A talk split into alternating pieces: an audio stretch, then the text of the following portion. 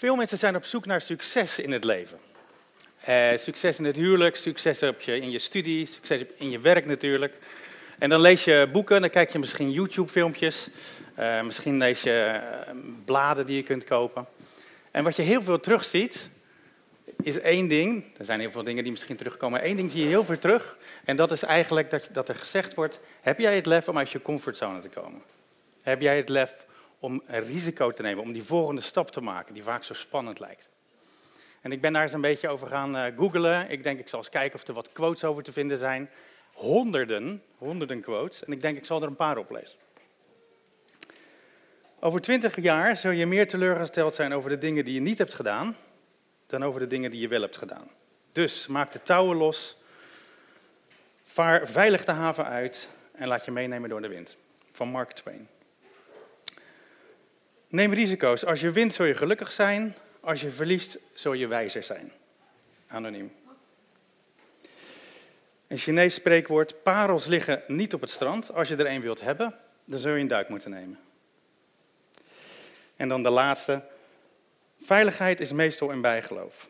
Het leven is of een spannend avontuur, of het stelt niks voor. Misschien een beetje cru, maar dat gaat zo met quotes, denk ik. Maar uh, er zit natuurlijk goede kern van waarheid in. Um, nou, deze neemt zeker een risico. Ik was een tijdje geleden bij een vriendin van mij, Ilse, en die was op vakantie geweest, een tijdje geleden al. En eh, die zei, joh, ik heb een uh, bungee jump gemaakt. Ik zeg, wat gaaf. Ze zegt, je een, wil je een filmpje zien? Ik zeg, nou, dat is wel leuk. Ze liet mij dat filmpje zien. En die camera die laat dan even zien hoe diep het is. Toen dacht ik, nou ja, dat zou ik ook wel willen, maar ik geloof niet dat ik dat durf.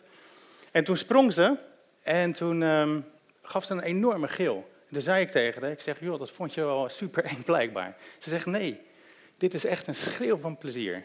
A cry of joy, zei ze.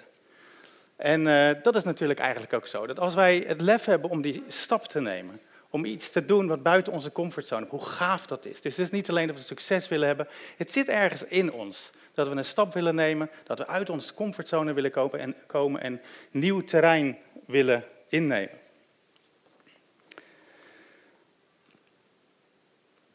Hoort het ook bij het geloof? Of is dat alleen in de wereld zo? Nou, als je kijkt, je ziet het al op de slide, dan zie je eigenlijk dat het door de hele Bijbel het geval is. God vraagt voortdurend van ons om risico te nemen.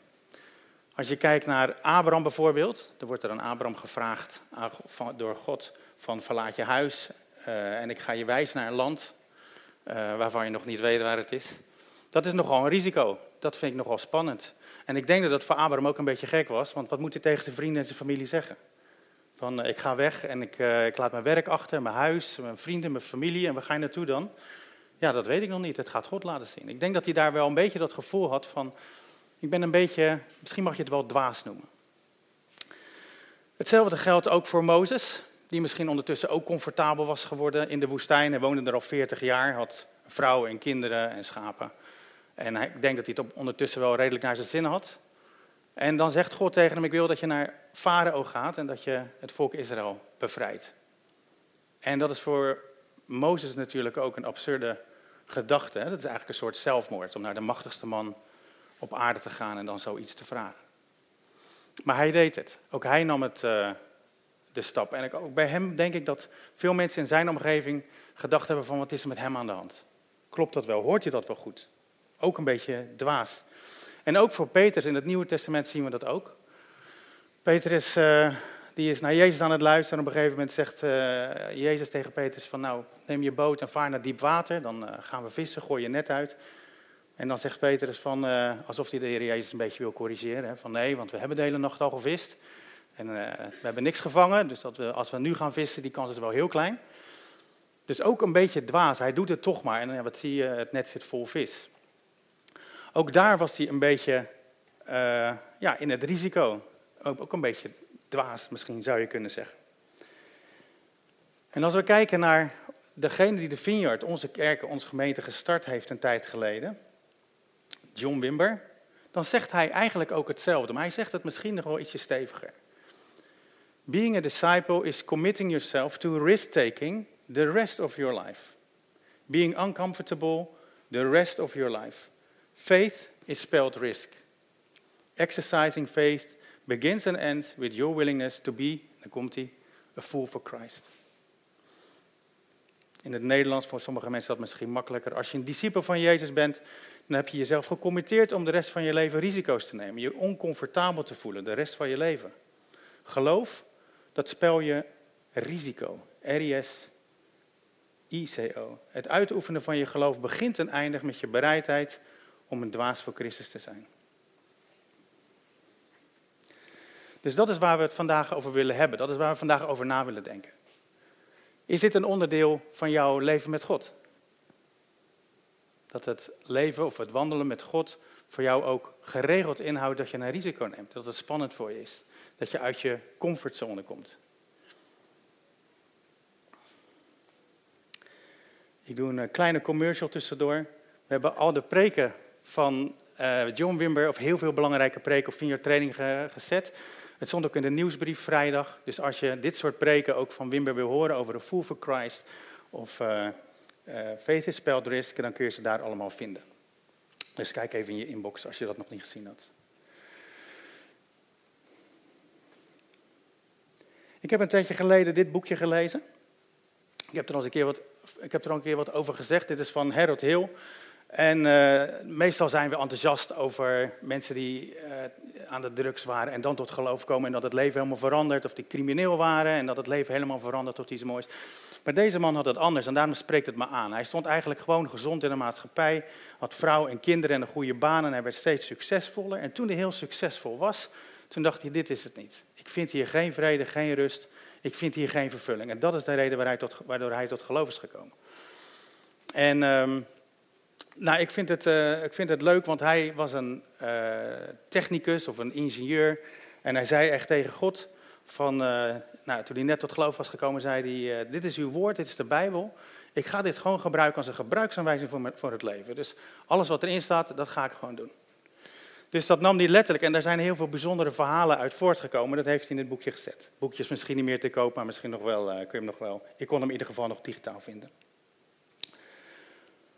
Um, hij vertelt het volgende verhaal. En dat, is, vind, ik, dat vind ik een mooi verhaal, omdat hij uh, daarmee laat zien eigenlijk de stappen waar we allemaal doorheen gaan als we risico's nemen in het geloof. Hij was directeur van een bedrijf en uh, ze moesten op een gegeven moment een krachtcentrale van elektriciteitscentrale opleveren aan de gemeente. Dat zijn deze dingen. Dus dat zijn hele peperdure dingen. En ze hadden hem gebouwd en uh, ze moesten op een gegeven moment op, opleveren. En dat ding schoot niet aan, dus hij deed het niet. En uh, ze hadden ingenieurs bijgeroepen. En ze waren er weken mee bezig geweest en ze kwamen er gewoon niet achter. Hoe kan het dat deze elektriciteit het niet doet? En het is heel belangrijk dat hij het wel doet, want het had hun honderdduizenden dollars gekost als hij het niet zou doen, als ze het, bij de oplevering. Nou ja, goed, en vervolgens uh, zullen ze misschien volgende opdrachten van die gemeente missen. Dus het was heel belangrijk. Dus deze Harold, die dacht van, nou ja, ik heb hier een probleem. Uh, het moet snel opgelost worden. Ze hadden nog een halve dag. Dus heel veel konden ze niet meer doen. En hij dacht, ik ga gewoon bidden, want God zegt in zijn woord dat hij wijsheid wil geven en dat hij inzicht wil geven. Dus dat laat ik maar, dat maar gewoon proberen. Dus hij is uh, gaan bidden en eigenlijk direct toen hij begon te bidden, zo schrijft hij, zag ik wat het probleem was. Hij zag het als het ware in een plaatje. En uh, nou, hij blij, enthousiast. Dus hij is met de auto naar die centrale toe gereden, heeft al die ingenieurs bij elkaar geroepen en heeft gezegd, uh, moet je luisteren, dit is het probleem, dat moeten jullie doen. En vervolgens kwamen er kwamen al die ingenieurs naar hem toe en die zeiden van ja luister, we hebben het allemaal al doorgerekend en dingen vervangen en dat kan het in ieder geval niet zijn. En uh, dus dan kom je natuurlijk een beetje in het twijfelen van uh, heb ik het goed gehoord en sta ik hier voor gek of niet. En, maar hij zei doe het nou maar, we hebben nu nog maar een paar uur, dus, dus doe het. Goed, ze zijn die dingen die hij zei, zijn ze gaan veranderen. En ze doen de knop om en boem, de machine doet het. Nou, super mooi natuurlijk. En vervolgens nou, gaat hij weer naar huis, dus hij loopt naar zijn auto. En dan komt een van de ingenieurs, die komt naar hem toe en die zegt... Uh, Harold, ik snap hier eventjes iets niet. We zijn hier twee weken met twintig ingenieurs uh, bezig om dit probleem op te lossen. We hebben ingenieurs ingeschakeld van General Electric. Gewoon om de beste erbij te halen om te kijken wat is hier aan de hand. En jij komt hier binnen en jij vertelt in een paar seconden wat het probleem is. Hoe kan dit? Nou, dan kan hij twee dingen doen, hè. Dan kan hij zeggen, nou, ik uh, ben een christen, En ik uh, bid en God wil ons dingen laten zien. En hij heeft het gewoon laten zien uh, daarom. Met als gevolg natuurlijk dat die ingenieur zou denken van nou, dat was misschien dan een lucky shot of zo, want dat is een beetje dromerij. Daar geloven we niet in. Het andere wat hij had kunnen doen, is dat hij gewoon de eer voor zichzelf zou nemen en met een grote glimlach naar zijn auto zou lopen. En hij koos op dit moment voor dat tweede. En toen reed hij naar huis en toen dacht hij, Heere God, u geeft mij zo'n mooi moment om te getuigen. U, geeft, u laat een wonder zien en ik neem alle eer voor mezelf. Dus hij worstelde daar enorm mee. En vervolgens kreeg hij heel duidelijk een indruk van God van uh, Romeinen 8 vers 1, waar staat, kijk of ik hem hierbij heb gestaan. Nee. Um, Romeinen 1 vers 8, er is geen veroordeling voor hen die in Christus zijn. Dus hij achter, ah, die veroordeling die is niet van God, die maak ik dan misschien zelf of komt misschien ergens anders vandaan. Maar God begon hem te bemoedigen. En God begon hem te vertellen van, joh, als je dingen probeert en het gaat mis, dat is geen enkel probleem. Dan doen we het de volgende keer weer anders. En opnieuw en opnieuw, net zo, net zo lang tot het lukt. Dus dat is een mooie bemoediging. Um, als wij hier zo over nadenken, dan uh, dit stukje, dan kun je eigenlijk een aantal vragen stellen. Uh, in de eerste plaats, durven wij te luisteren naar God? Als wij een probleem hebben in ons leven. Durven wij uh, stil te worden en te kijken of God wat tegen ons zegt? Misschien geeft hij een naam van iemand in gedachten of een bijbeltekst. Of misschien een plaatje, zoals dat deze, bij deze Herod het geval was. Of zijn we bang dat we niet goed genoeg zijn?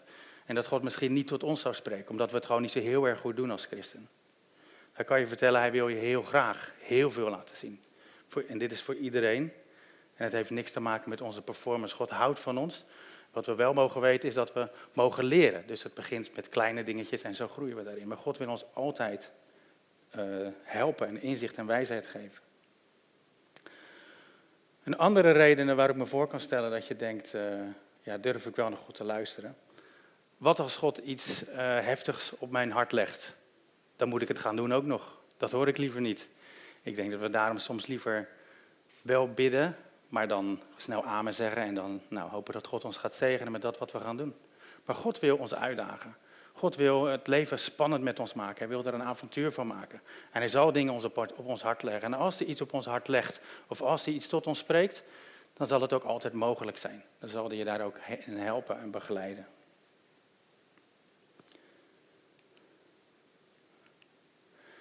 Tweede wat Harold moest doen, uh, er ook naar gaan handelen, want hij zag dat plaatje. En hij had natuurlijk kunnen zeggen van, uh, ja, dat zie ik wel, maar ja, wat zullen ze van me denken? Ik zeg wel dat ik het ook niet weet en dan wisten we het gewoon allemaal niet. Hij had het lef om ook echt daar naartoe te gaan, naar die centrale, en te zeggen, ik heb van God, tenminste, eh, met, met dat wat hem God gegeven had, um, dat probleem op te lossen. En dat is denk ik voor ons ook een issue, hè? als God echt wat zegt. Durven we het te doen?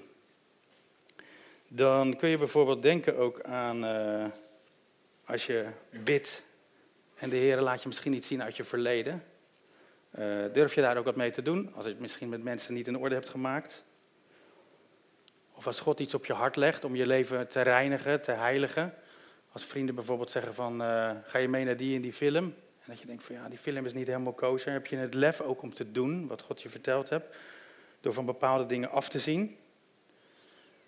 Of als God misschien iets op je hart legt, iets van een droom, iets wat je graag zou willen doen. En hij geeft je de indruk dat je daarin ik wil zegenen. Heb je ook het lef om die stappen te nemen? Ook als allerlei mensen tegen je zeggen van dat past niet bij jou en dat kan nu niet en er is geen geld voor. Heb je het lef om daar te handelen wat God tegen je zegt? En in de derde plaats, als je iets met God beleefd hebt of uh, als je kijkt naar je eigen bekeringsgeschiedenis, heb je het lef om daar met anderen over te spreken. Deze Harold Hill was daar bang voor. Het is vaak ook een heel lastig moment, denk ik, om dan in één keer te gaan getuigen. Maar hoe mooi is het als je dingen met God beleeft om ervan te gaan getuigen? Ik denk dat het ook te maken heeft met durf je echt helemaal jezelf te zijn. Wij geloven dit, hier zijn we enthousiast over. Wij horen dingen van God hier in de kerk, maar in de rest van de week, bij onze ongelovige vrienden, studievrienden of collega's of buren, durven wij helemaal te zijn, uit te leven wie we zijn en te getuigen over de dingen waar wij enthousiast over zijn. Of hebben we dat lef niet en houden we het maar liever voor onszelf? Hebben we het lef om risico te nemen, om te laten zien wie je helemaal bent en waar jij enthousiast over bent? En het laatste, heel belangrijk denk ik, als je bij deze dingen stilstaat, want dit gaat natuurlijk over het verhaaltje van Harold Hill, maar dit is wat we voortdurend als christen meemaken. We, we zijn stil en we luisteren, soms lezen we de Bijbel en denken we, God spreekt door ons heen. Hebben we het lef om daarnaar te handelen en hebben we ook het lef om te getuigen? Heel belangrijk is dat we dan beseffen dat, dat er geen veroordeling is en dat God er zo naar verlangt om met ons dat avontuur te gaan leven. En als we dingen fout doen, dat er geen veroordeling is, maar alleen maar liefde en blijdschap en energie om een volgende keer wel te doen. Dat geeft ons ook energie om uh, dat avontuur aan te gaan. Deze Herod kreeg van God ook uh, vrij snel uh, een herkansing. Er was een communicatieprobleem bij het ministerie van Defensie. Ook weer een heel groot project waar heel veel geld mee gemoeid was. En ook daar konden de ingenieurs er niet uitkomen. Ook toen heeft hij gebeden, ook een antwoord gekregen van God. Is het gaan vertellen. En uh, ook daar was het probleem binnen een uur opgelost. En ook toen, toen hij naar buiten liep, ook toen kwam er iemand naar hem toe. En die zei, mag je wat vragen? En hij zei, ja. Hij zegt, hoe kan dit? We zijn hier met zoveel ingenieurs bij zich. Jij loopt binnen en je lost het probleem op. En hij zegt, dat zal ik je vertellen. En hij is er binnen gegaan en heeft twee uur getuigd tegen, tegen al die uh, ingenieurs. Dus zo wil God ons ook helpen en ons nieuwe mogelijkheden geven.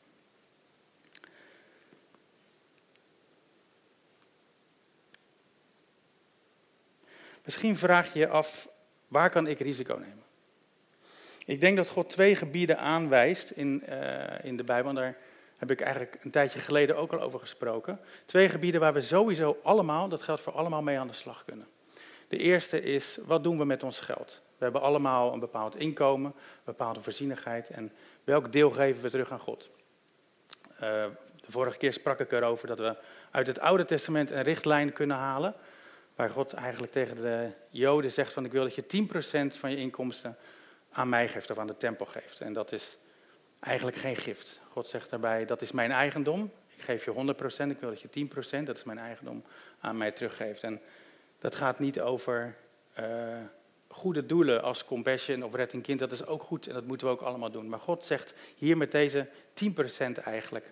Eh, en kijk of dat bij jou past en of dat nu bij jou past. We zijn in principe vrij, maar dit is een risico, een uitdaging die God voor ons allemaal heeft. Hebben wij het lef om die spanning die we in ons hart hebben van wat als, als ik zoveel ga geven, wat dan? Heb ik wel genoeg voor mijn auto of mijn caravan of vakantie of uh, mijn huur of hypotheek te betalen?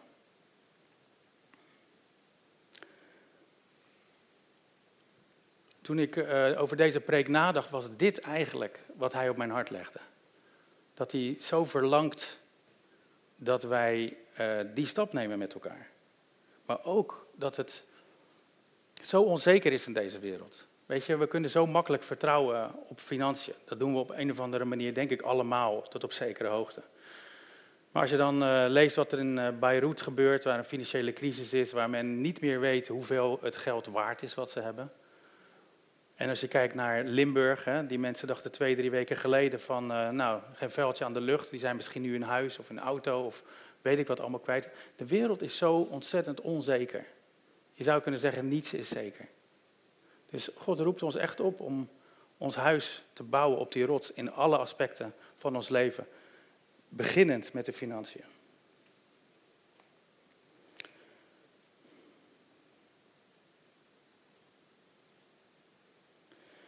En misschien zeg je, joh, dat doe ik al lang en voor mij is het leven met God al één avontuur. Dan zou ik zeggen, vraag aan God wat jouw nieuwe stap is.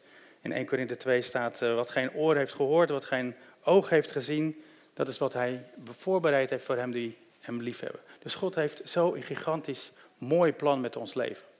Dus uh, als je al heel veel risico neemt, dan zou ik zeggen, keep it going. Um,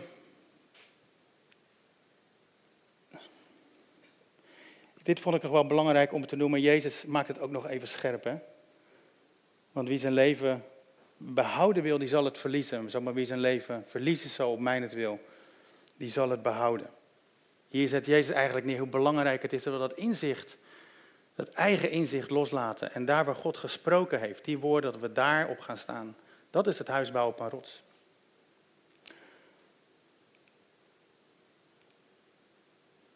Maar God heeft natuurlijk maar één ding voor ogen met ons allemaal. En dat is niet dat we wat moeten. God verlangt ernaar dat wij volledig tot leven komen. Dat wij volledig tot bloei komen. Dat wij loskomen van alle zorgen en alle spanningen. En dat we volledig vrij met Hem leven. Ik moest denken aan Psalm 35 daarbij, waar staat: The Lord takes pleasure. Ik vind dat mooi in het Engels. The Lord takes pleasure in the prosperity of His servants. Of in het Nederlands: Groot is de Heer. Vrede wil Hij voor zijn dienaar.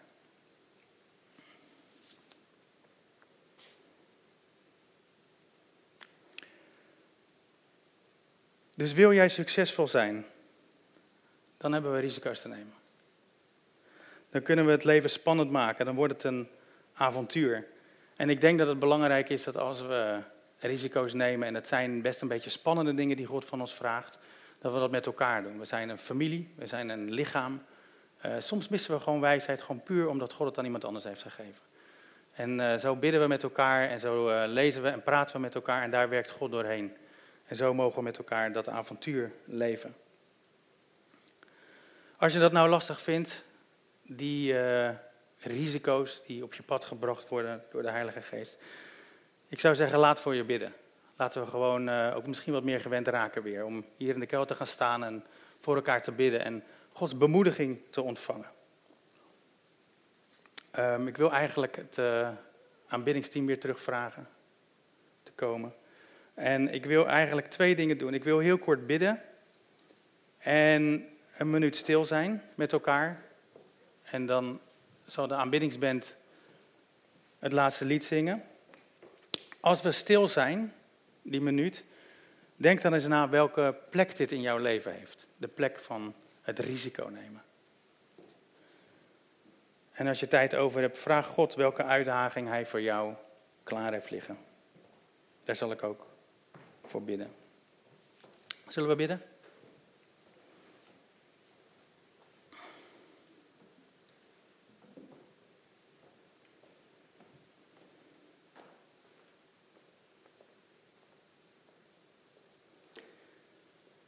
Vader, we danken u dat u een God van liefde bent.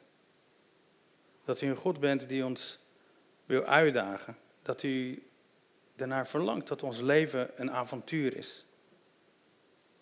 Dat u ons uit het leven wil halen van de zondeval, waar dingen angstig zijn, waar dingen beperkt zijn. Een leven van zorgen. En dat u ons wil brengen in een leven vol van uw voorzienigheid en vol van vrede. En vader, als we hierover nadenken met elkaar, dan bidden we u, wilt u ons inspireren met de volgende stap die u voor ons heeft. De volgende stap, Heere God, om ons verder in bloei te brengen van wie we werkelijk zijn, zoals we bedoeld zijn. Om verder te komen in het lijken van uw Zoon, de Heer Jezus Christus.